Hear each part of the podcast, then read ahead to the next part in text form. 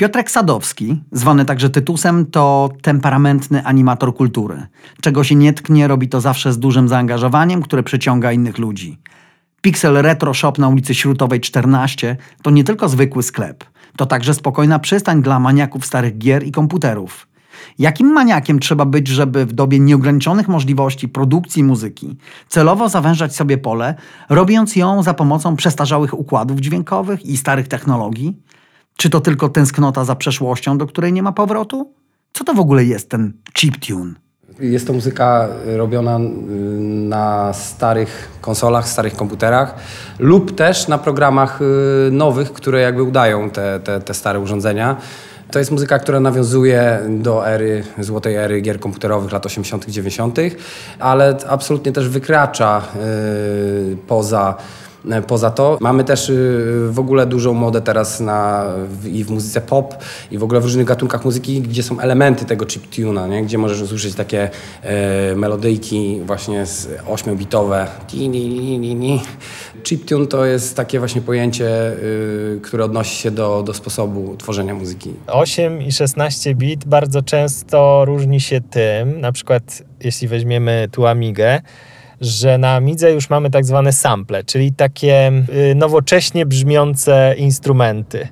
A 8 bit to bardzo często jest tylko to, co wygeneruje tam ten chip dźwiękowy w tym y, komputerze 8-bitowym, czyli to są takie dźwięki, jakbym to miał wytłumaczyć komuś zupełnie, kto nie siedzi w komputerach 8-bitowych, to mógłbym porównać to, te dźwięki z 8-bitowych komputerów do tego, jak wchodziły pierwsze telefony typu ta Nokia czarna i mieliśmy te dzwonki takie monofoniczne to ten dźwięk to jest właśnie to, te 8, 8 bitów. Nazywam się Piotrek i ludzie na mnie mówią Motion Ride, ale w sumie Motion Ride to jest bardziej taki, taka nazwa projektu muzyczno-graficznego. Muzykę zacząłem robić w sumie w podstawówce, jak już miałem Amiga 500, tam jeszcze 600 się przewinęła gdzieś. No i wtedy też chodziłem do szkoły muzycznej, więc jakoś to wszystko się tak połączyło, że pomyślałem sobie, że oprócz tego, że mam ten komputer do gier, to można spróbować wykorzystać go do, do robienia muzyki elektronicznej, czy to tanecznej, czy to mm, jakieś tam próby, próby były robienia muzyki rockowej, chociaż to jednak jest prosty komputer, więc nie było za dużo, za dużego pola do popisu.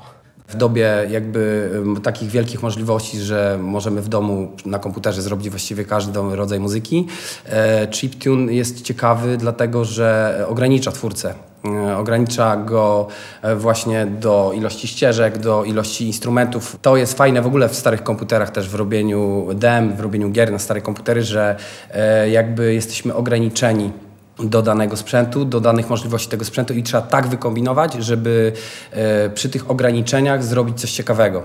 Uzyskać e, profesjonalne brzmienie, tłusty bas w robieniu muzyki na przykład przy pomocy dwóch Gameboyów. Jeśli chodzi o stare komputery, no właśnie ograniczenie jest takie, że tam bardzo często mamy maksymalnie trzy, cztery kanały i wtedy człowiek musi się też jakoś nakombinować, żeby to wszystko e, zmieścić. Tą, tą, czasami e, w jednym kanale jest i perkusja, i bas. E, nie można grać pełnych akordów, więc wtedy używa się tak zwanego arpeggio.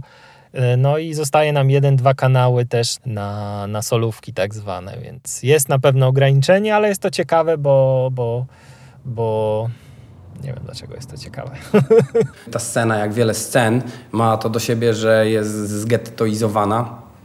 Oczywiście, że Pixel Retro Shop jest miejscem dla tych ludzi, y, gdzie mogą przyjść tutaj jakby we własnym gronie e, czy słuchać tej muzyki, czy pokazywać sobie dema wzajemnie, ale też y, właśnie to jest miejsce, mają taką ambicję, żeby jakby z tym wyjść do ludzi, bo uważamy, że to jest tak ciekawe zjawisko, że y, chcemy je popularyzować po prostu mm, i, i, i, jakby ambicją jest to, żeby, żeby, żeby to pokazywać szerzej. Pewnie to jest tak, że jesteśmy już troszeczkę w pewnym sensie zmęczeni e, tą e, doskonałością tych nowoczesnych komputerów, nowoczesnych sprzętów. Jest to tak łatwe, wygodne, tak wszechobecne. Jest wyzwaniem to, żeby ludzi tym zaciekawić, żeby zainteresować, bo jednak kwestia dźwiękowa w starych grach nie zawsze była rzeczą pierwszego rzędu, a teraz już mamy do tego dziś narzędzia, żeby móc maksymalnie wycisnąć z tych starych sprzętów ile się da i żeby to brzmiało fajnie, nowocześnie, ale jednocześnie tak nostalgicznie i nawiązywało do tej przeszłości.